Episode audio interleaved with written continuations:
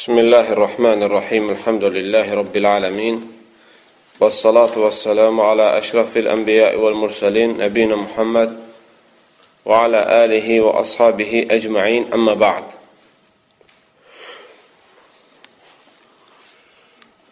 Orucu pozan məsələlər.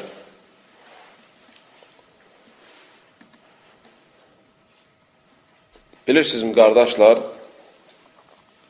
şəriətdə manilər var.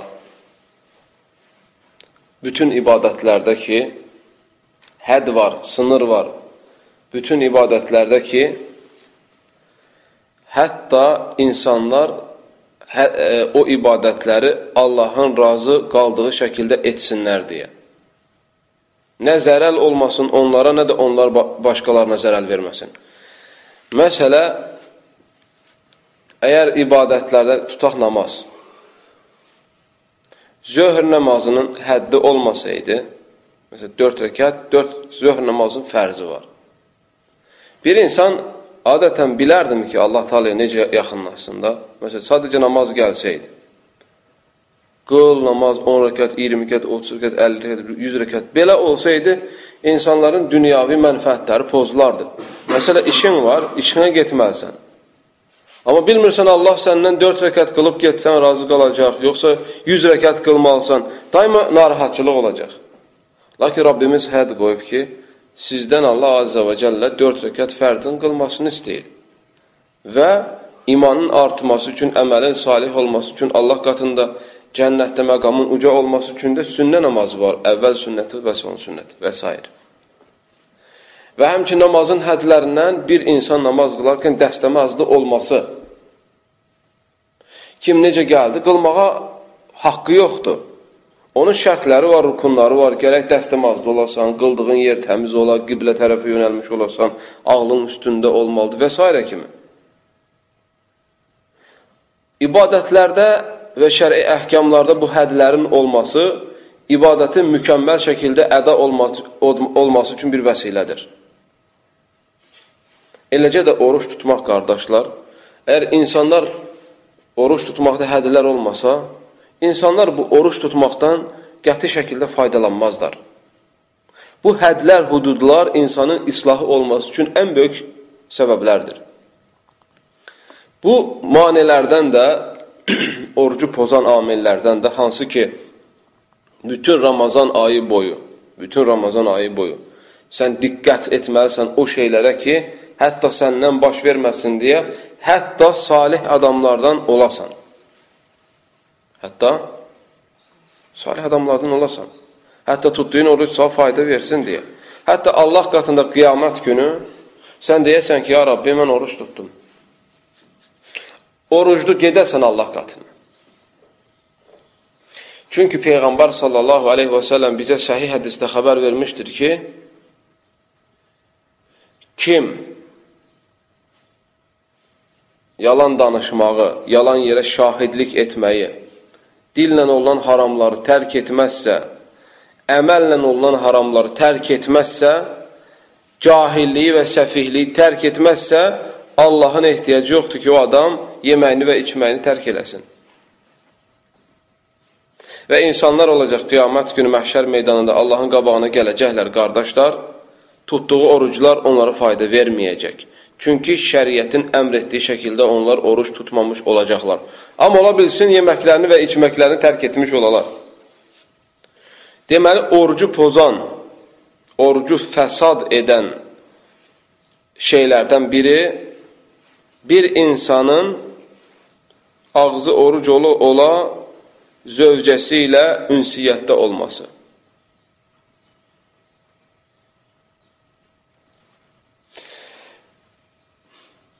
Kim bunu edərsə, orucu, oruclu olduğu halda orucunu pozmuş olar. O insana vacib olan kəffara, sərt kəffarədir. Etdiyi əməlin çirkin olduğuna görə, çox çirkin olduğuna görə. O da nədir şəriətdə qardaşlar? Birincisi, qul azad etmək. Qul azad etməlisən ki, hətta Allah Azza və Cəllə səni bağışlasın. Qul azad edə bilmirsən. Qul azad edə bilmirsən. İndi bu dövrdə o çətindir biraz. Hardan tapacaqsan qulu? Elə qul azad etməyə imkanın olmadığı halda və yaxud da azad ediləsi qul olmaya, olmadığı halda onda o zaman ara vermədən arxa-arxaya 60 gün oruç tutmalısan. Ara vermədən. Ayədə elə gəlmişdir, ara vermədən. 59 gün tutdun. 60-cı gün tutmadın. Nə olur? Sayılmır. Təzdən başlamalısan, birə qayıtmalısan. Tutaq ki, oruç tuta bilmirsən. Mane var, oruç tuta, tut, oruc əhlindən deyilsən. Onda nə edəcəksən? 60 adam yedirdəcəksən. Necə ki, hədis gəlmişdir, bir nəfərdən baş verir Peyğəmbər s.ə.v dövründə. Peyğəmbər s.ə.v ona deyir ki, get qul azad elə. Deyir, ya Rasulallah, imkanım yoxdur. Deyir, get 60 gün oruç tutqinin. Deyir, ya Rasulallah, onu da bacarmıram. Deyir, onda get 60 adam yedirtkinən. Deməli, 60 gün oruç tuta bilməyəndən sonra 60 adam yedirdirsən və bu sənin üçün kəffarə olur. Əgər vacib oruç tutmuş olmazsansa, əgər vacib orucu tutmuş olmazsansa, sənə vacib olduğu halda, məsələ, e, səfərdə olan kimi, belə olduğu halda həmin insana lazımdır sadəcə həmin günün qəzasını etmək kəffara vermədən. Çünki müsafir oruç tutmaq vacibdir Ramazan ayında. Vacib deyil. Həmin müsafirdən bu şey baş versə, onda o zaman o həmin günün orucunu neynir qardaşlar? Həmin günün orucunu tutur, amma o insana bu sərt kəffara yoxdur. O birisi məsələlərə, növbəti orucu pozan məsələlərə inşallah gələn dərsdə toxunacaq. Və sallallahu və səlləm və bərik alə nəbiyyə Muhammed və alə əlihi və ashabihi əcməin. Rahman Rahim, Elhamdülillahi Rabbil Alemin və salatu və selamu alə nəbiyyə Muhammed və alə əlihi və ashabihi əcməin. Əmmə bə'd. Keçən dərsdə zikr elədik Allah Azza və Cəllənin izni ilə ki, orucu pozan bir çox şeylər var. Və orucu pozan şeylərdən biri də dedik ki, bir insan Ramazanda ağzı oruc ola-ola e, zövcəsi ilə ünsiyyətdə olması.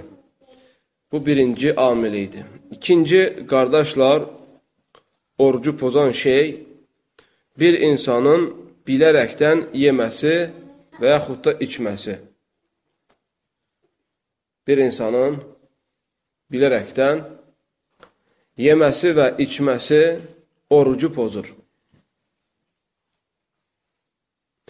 Və yaxud da bu yemək və içmək istər ağız vasitəsilə olsun, istərsən burun vasitəsilə olsun.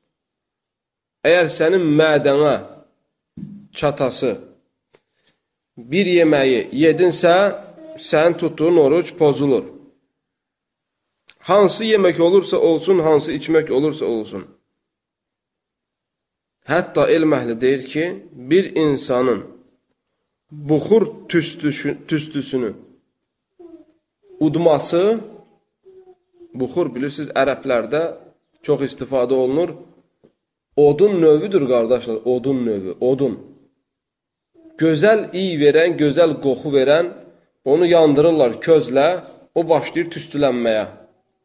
O tüstüləndikcə evi, o tüstü evin harasına çatsa, oradan uzun bir müddət gözəl qoxu iyi gəlir.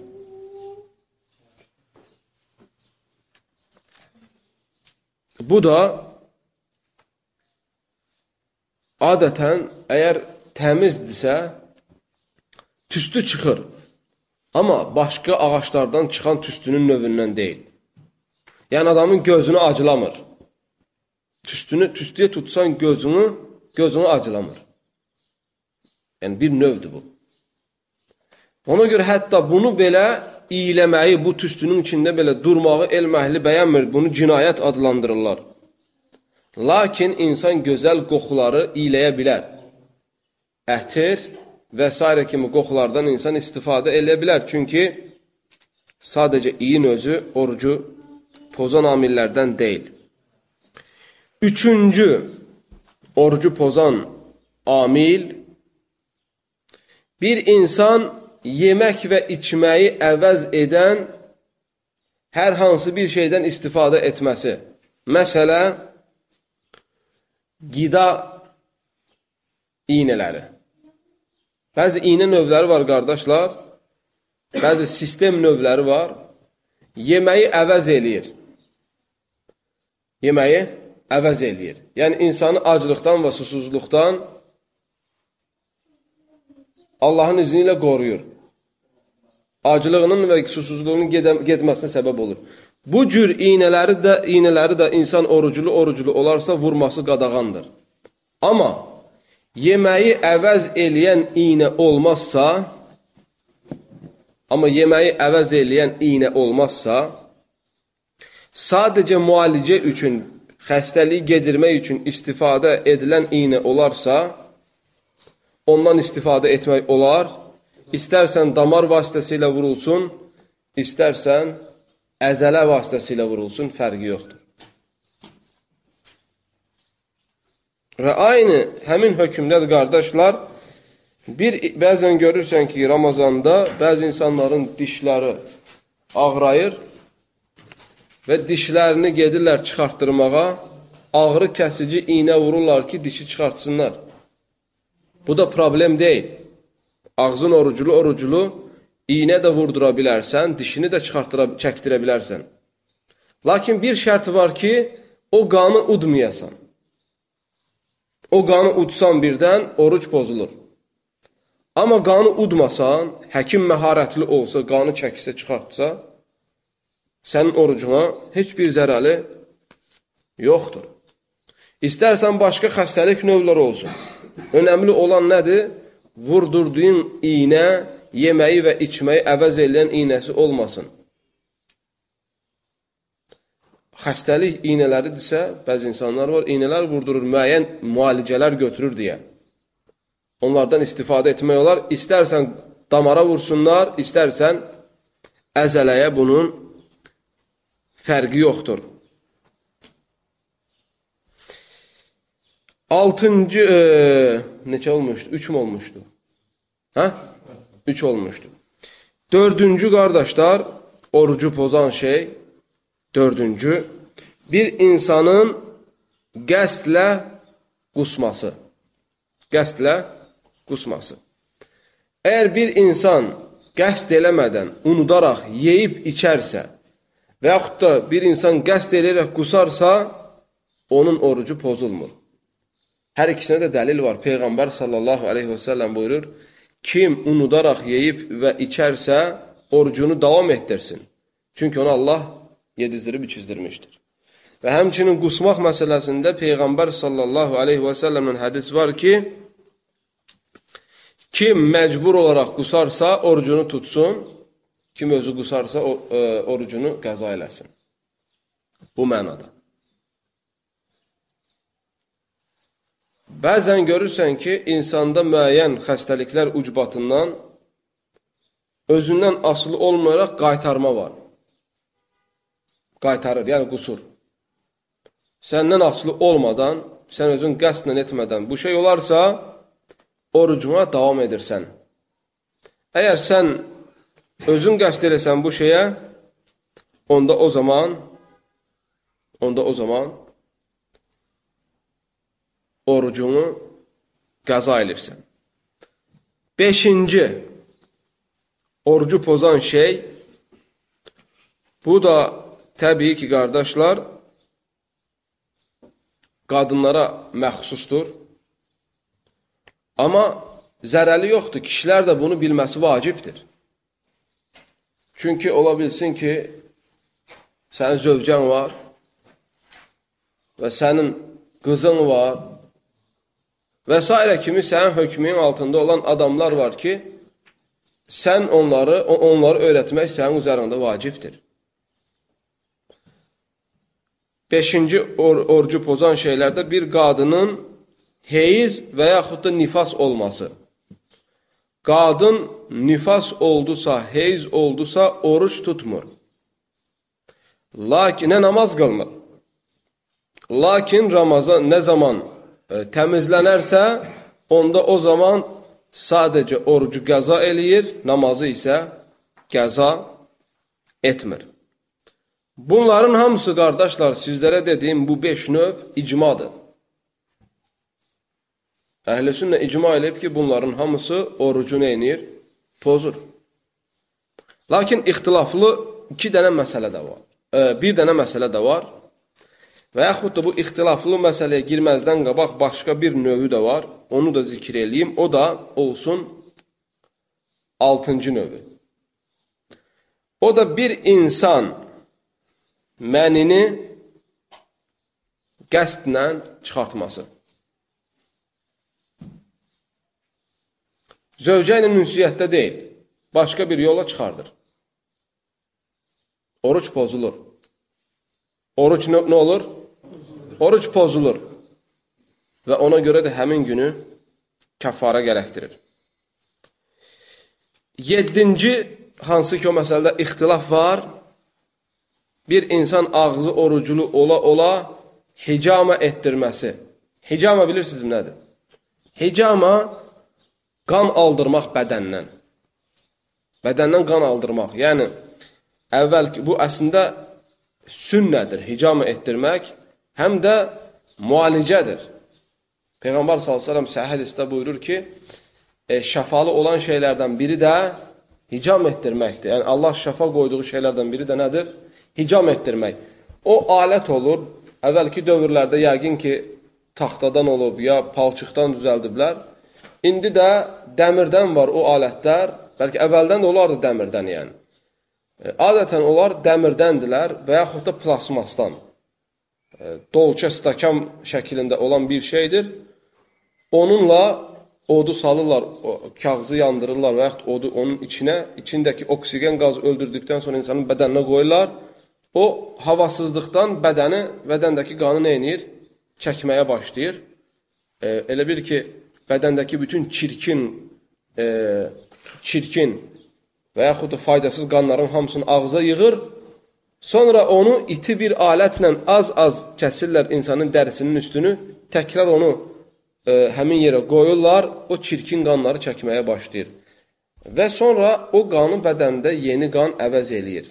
Bununla insanın bir çox xəstəlikləri, məsələ xüsusən də soyuqlaması, xüsusən də davleniya, təzik xəstəlikləri, xüsusən də bəzi soyuqlamalar, bədəndə olan revmatizmi və hətta paraliz xəstəliklərini bununla belə bəzi yerlərdə müalicə eləyirlər. E, qan aldırmaq, qısacası hicama etdirmək, ağzı oruc ola-ola, bəzi elm əhli deyir ki, orucu pozur. Çünki hədis var Peyğəmbər sallallahu aleyhi və səlləmlə ki, hicam edən də, etdirən də orucunu pozmuşdur. Bu məsələdə təbii ki, ixtilaf var, qardaşlar. E, çünki icma deyil bu. E, lakin hədis olduğuna görə bu məsələdə nas, ona görə də burayı daha çox dəstəkləyirik ki, ehtiyata da bu daha uyğundur ki, ağzın oruc oldusa, hicama etdirməklə qan aldırma, hicama məqsədi ilə hətta ixtilafdan çıxmış olasan. Lakin bir məsələ qalır, qardaşlar. O da, bir insan analiz üçün qan verə bilərmi o zaman? Analiz üçün qan verə bilərsən. Elm əhli deyir ki, müalicə üçün, yəni analiz üçün bir balaca qan çıxartdırmaqda zərəl yoxdur. Orucu insanın pozulmur. Nəyə görə? Çünki o az bir qanın çıxması bədənə təsir etmir. Amma hicamada fərqlidir. Hicamada çox qan çıxır, bir. İkincisi də insanlarda ola bilər ki, adamdan adama fərq var. Hicamadan sonra təsirlənmə baş verir.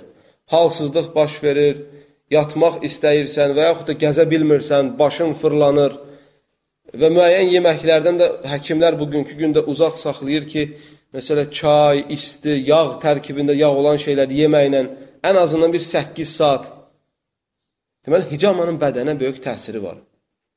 Amma analiz üçün bir balaca qan çıxartdırmaqla bədən təsirlənmir. Ona görə də Şeyx Muhammed ibn Salih Əl-Ütheymin rahimehullah deyir ki, qanın çıxardılması hicamaya qiyas olunmur.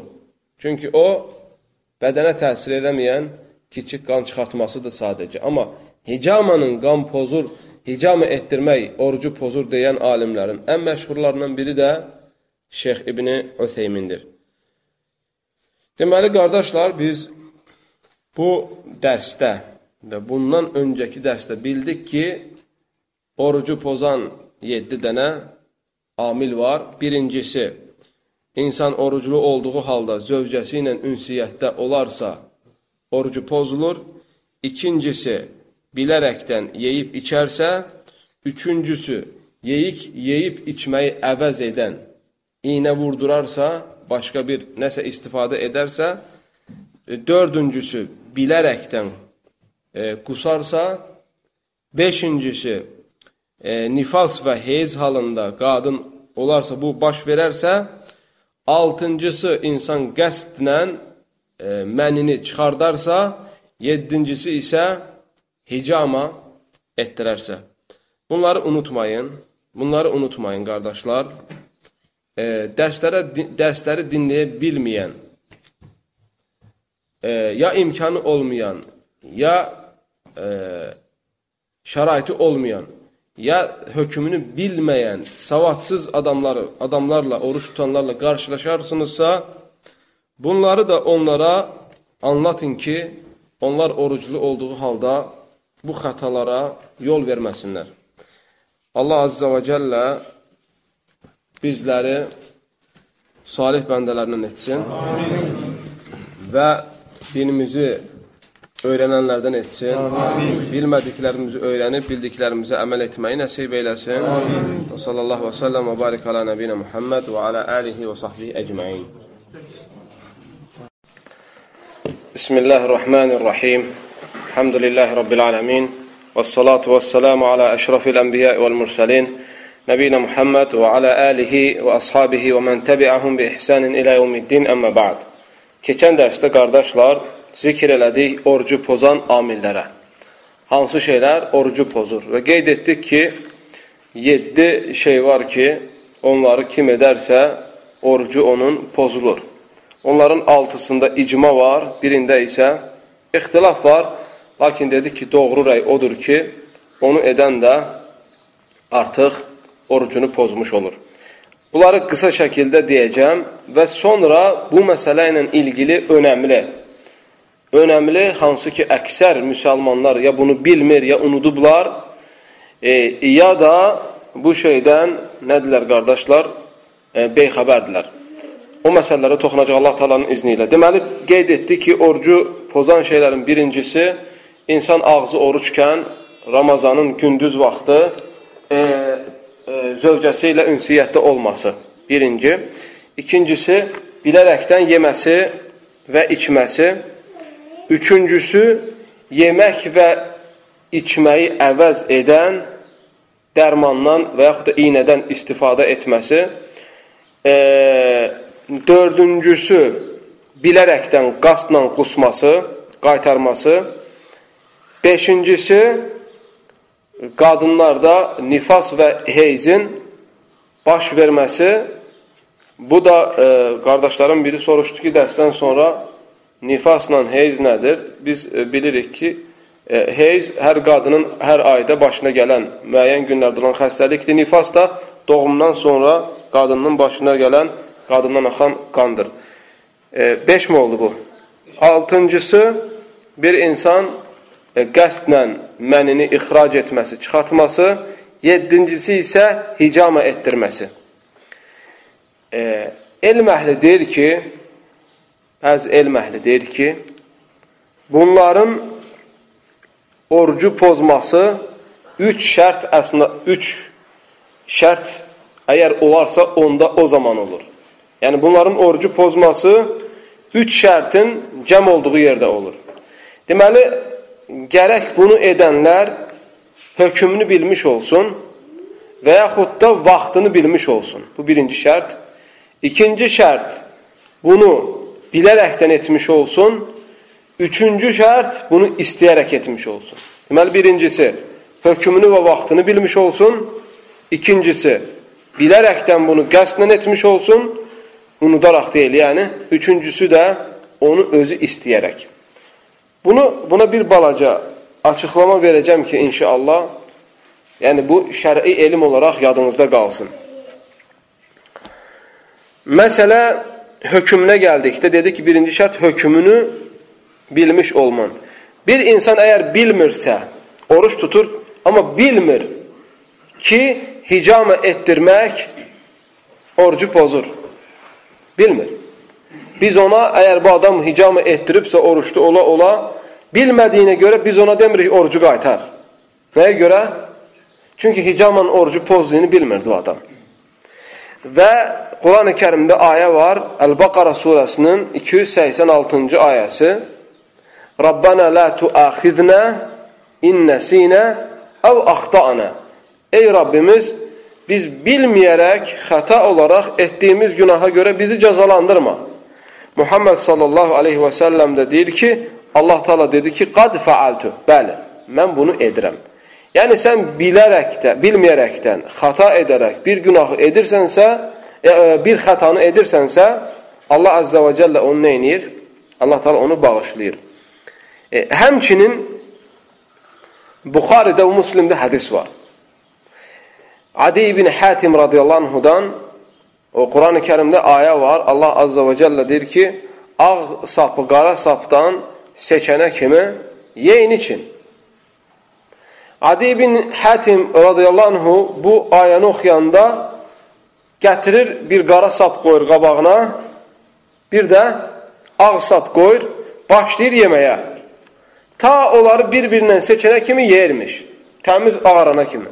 Elə bilirmiş ki, ayətdə gələn məna gerçəkdən sapları baxıb. Yəni, gerçəkdən onu göz vasitəsilə seçənə kimi yeməlisən. Peyğəmbər sallallahu aleyhi və səlləmə e, bu xəbər çatdıqda Peyğəmbər sallallahu aleyhi və səlləm bəyan eləyir ki, ona, yəni, e, hansı ki, Baqara surəsinin 187-ci ayəsində gəlib, bayaq dediyim ayə, Peyğəmbər sallallahu aleyhi və səlləm xəbər verir ki, İnnəmə zəlikə bəyadun nəhəri və səvadul leyl.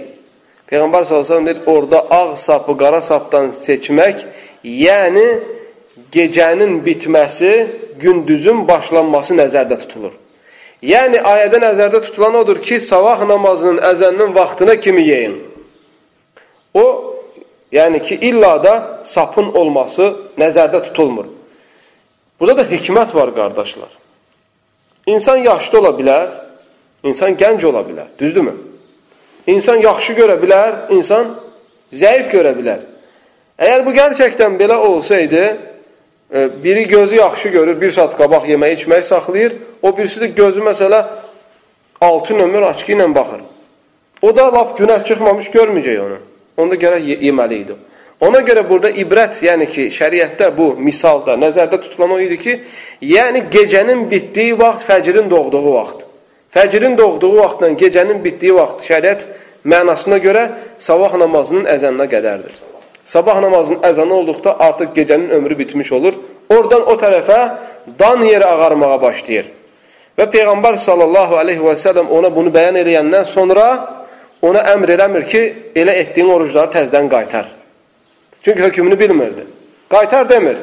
Sadəcə bu düzgün başa düşməyibmiş. Buradan bu dəlildən nə çıxardırıq?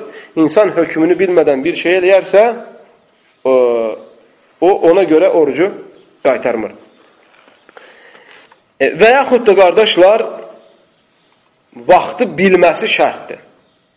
Yəni, bir insan bilməlidir ki, günəş batdıqdan sonra iftar etməlidir. Da ulduzun çıxmağını gözləmək olmaz. Bu yahudilərdədir. Yahudilər oruç tutduqları zaman ulduzu görmədikcə iftar etmirlər, yemirlər yəni. Bu bəzi müsəlmanlara da keçibdir yahudilərdən. Onlar da oturub ulduzun çıxmağını gözləyirlər. Necə ki, rafizilər. Ən məşhur misal rafizlər. Hal-hazırda həmin etiqaddadırlar. Yahudilərdən keçmədi bu əslində. Amma Peyğəmbər sallallahu əleyhi və səlləm deyir ki, gün günəş batdısa, yəni məğribin əzanı oldusa, artıq iftar etməlisən. Sünnə budur.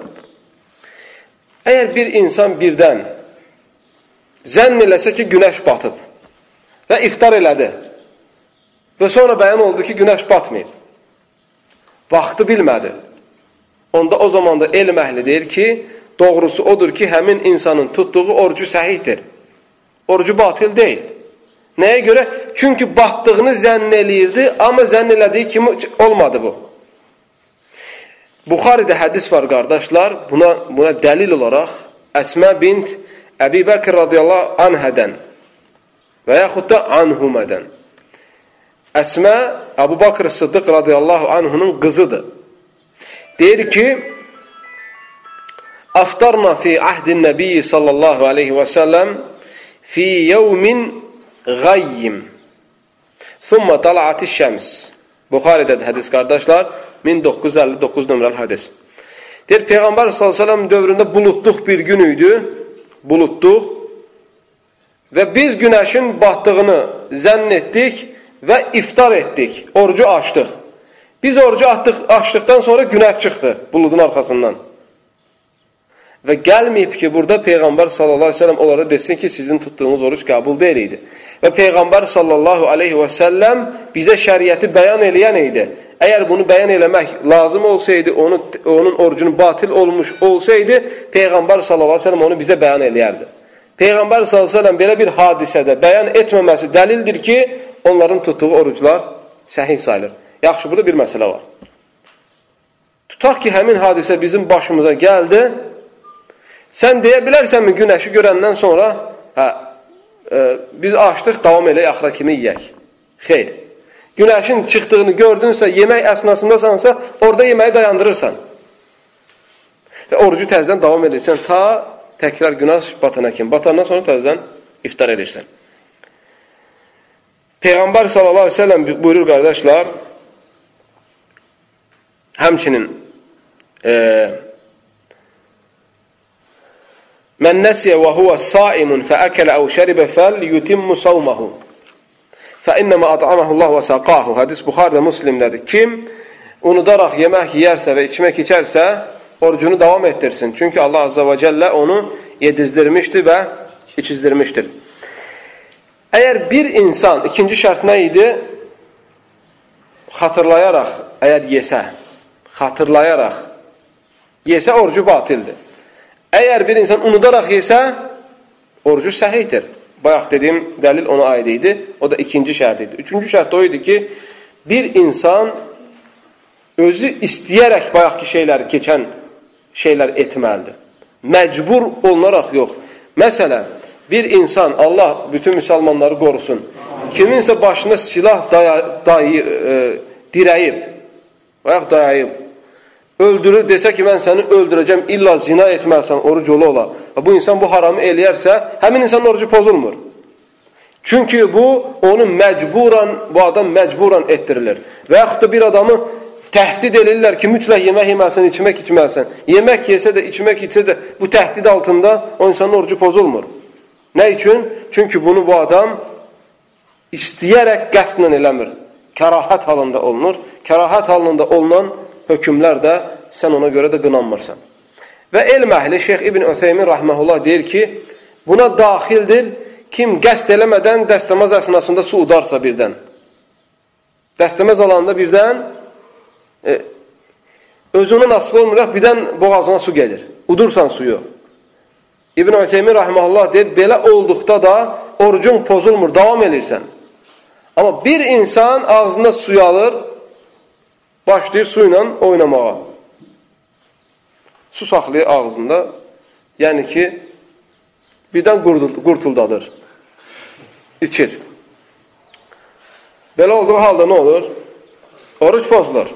Amma qəsd eləmədən bu şey baş verərsə, nə olur qardaşlar? E, pozulmur. Və yaxud da bir insan yatır. İstər evli olsun, istər subay olsun, fərqi yoxdur. saat 2-də yatırsan, birdən duşunda ehtilam oldun, yuxunda ehtilam oldun, durdun gördün ki, cünub olmuşsan. Belə olduğu halda sən qusl eləyirsən, orucuna davam eləyirsən, orucu kəsmirsən. Nəyə görə? Çünki onun qabağını almaq sənin əlində deyil. Bu, yuxuda olan bir hadisədir. Aydındır cəmaat. E, son, da, son olaraq da o məsələyə iki məsələ qalır. Ona da inşallah toxunum. E, birincisi misvak işlətmək, işlətmək məsələsi. Bəzi hənəfilərdə e, əcaib fikirlər var. Bəzilər deyir ki, əgər misvak köhnədirsə, o mənada ki, dad vermirsə, dadı tamı qaçıbsa, işlədə bilərsən. Bəzilər deyir ki, ginorteten işlədə bilərsən sadəcə. Çünki ginortadan sonra acırsan, ehtimal var ki, misvakı yeyərsən. Ye misvakda hiss elədiyin tamı qəslə udarsan. Lakin deyirik ki, bunların heç biri doğru deyil. Nə üçün de doğru deyil? Çünki Muhammed sallallahu aleyhi və səlləm Ramazanda da, qeyri-Ramazanda da, gün ortada da, axşamda da daima misvakı işlədərdi. Bütün sahabələr bu şeydə icma eləyib. Peyğəmbər sallallahu aleyhi və səlləm buyurur, "Ləulə ən əşuqqa alə umməti ləəmərtum bihi ində kulli salatin." Başqa bir rivayətdə ində kulli vuduin.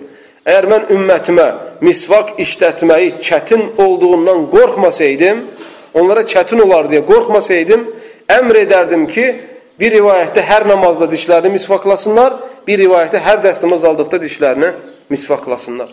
Yəni Peyğəmbər s.ə.v bunu istəyib ki, ümmət misvakdan istifadə etsin. Və deməyib ki, Ramazan istisna.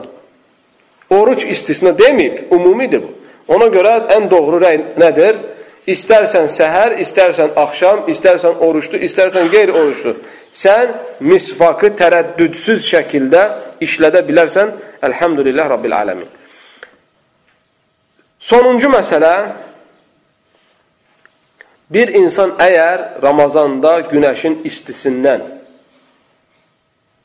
sərnimək istəyərsə, yəni o qədər tutaq ki, ya susamışsan, ya istilikdən, havanın isti olmağından halsızlamışsan, belə halda sən sərnimək üçün sudan istifadə edə bilərsənmi, kimə bilərsənmi, sərniyə bilərsənmi və s. kimi? Bəli, biz deyirik ki, bir insan ağzı oruclu olsa belə, kimə bilər? Hətta dənizdə belə, hətta axan çayda belə, hətta hamamda belə və yaxud da bir e, küpün içinə girib çimir məsələn. Lənin içinə girib, vannanın içində yatırsan, uzan, çimirsən. Başını da batırırsan. Hamısı olar. Amma bir şərtimiz, şərt var. Nədir? Udmayasan suyu. Suyu udmayasan. Qulaqdan su mədəyə gedə bilirmi? Qulağın su da olsa birdən mədəyə gedə bilmir. Çünki Allah Azze və Cəllə qulaqla mədə arasında bağlı, qulaqla mədənin arasını bağlayıb. Burnundan uda bilirmi? uda bilir. İnsan burnundan, çünki burunla boğaz hava boruları xırtməkdəndir. Bu, qırtlaqdan aşağıda birləşir. Deməli, çinmək olar, sərdimək olar, bir şərti var ki, su udmayasan. Buna dəlil var, dəlil var. İmam Abu Davudda Kitab-ı Sovm babında, oruc kitabında gəlmişdir ki, hədisin nömrəsi 2365 nömrəlidir. Peyğəmbər sallallahu aleyhi və səlləm başından oruclu olduğu halda su tökərdi, susuzluğunu gedirtmək üçün. Peyğəmbər s.ə.v oruclu olduğu halda başından sərnimək üçün su tökərdi ki, susuzluğu gedirtsin. İbni Ömər radiyallahu anhu da neyniyərdi qardaşlar?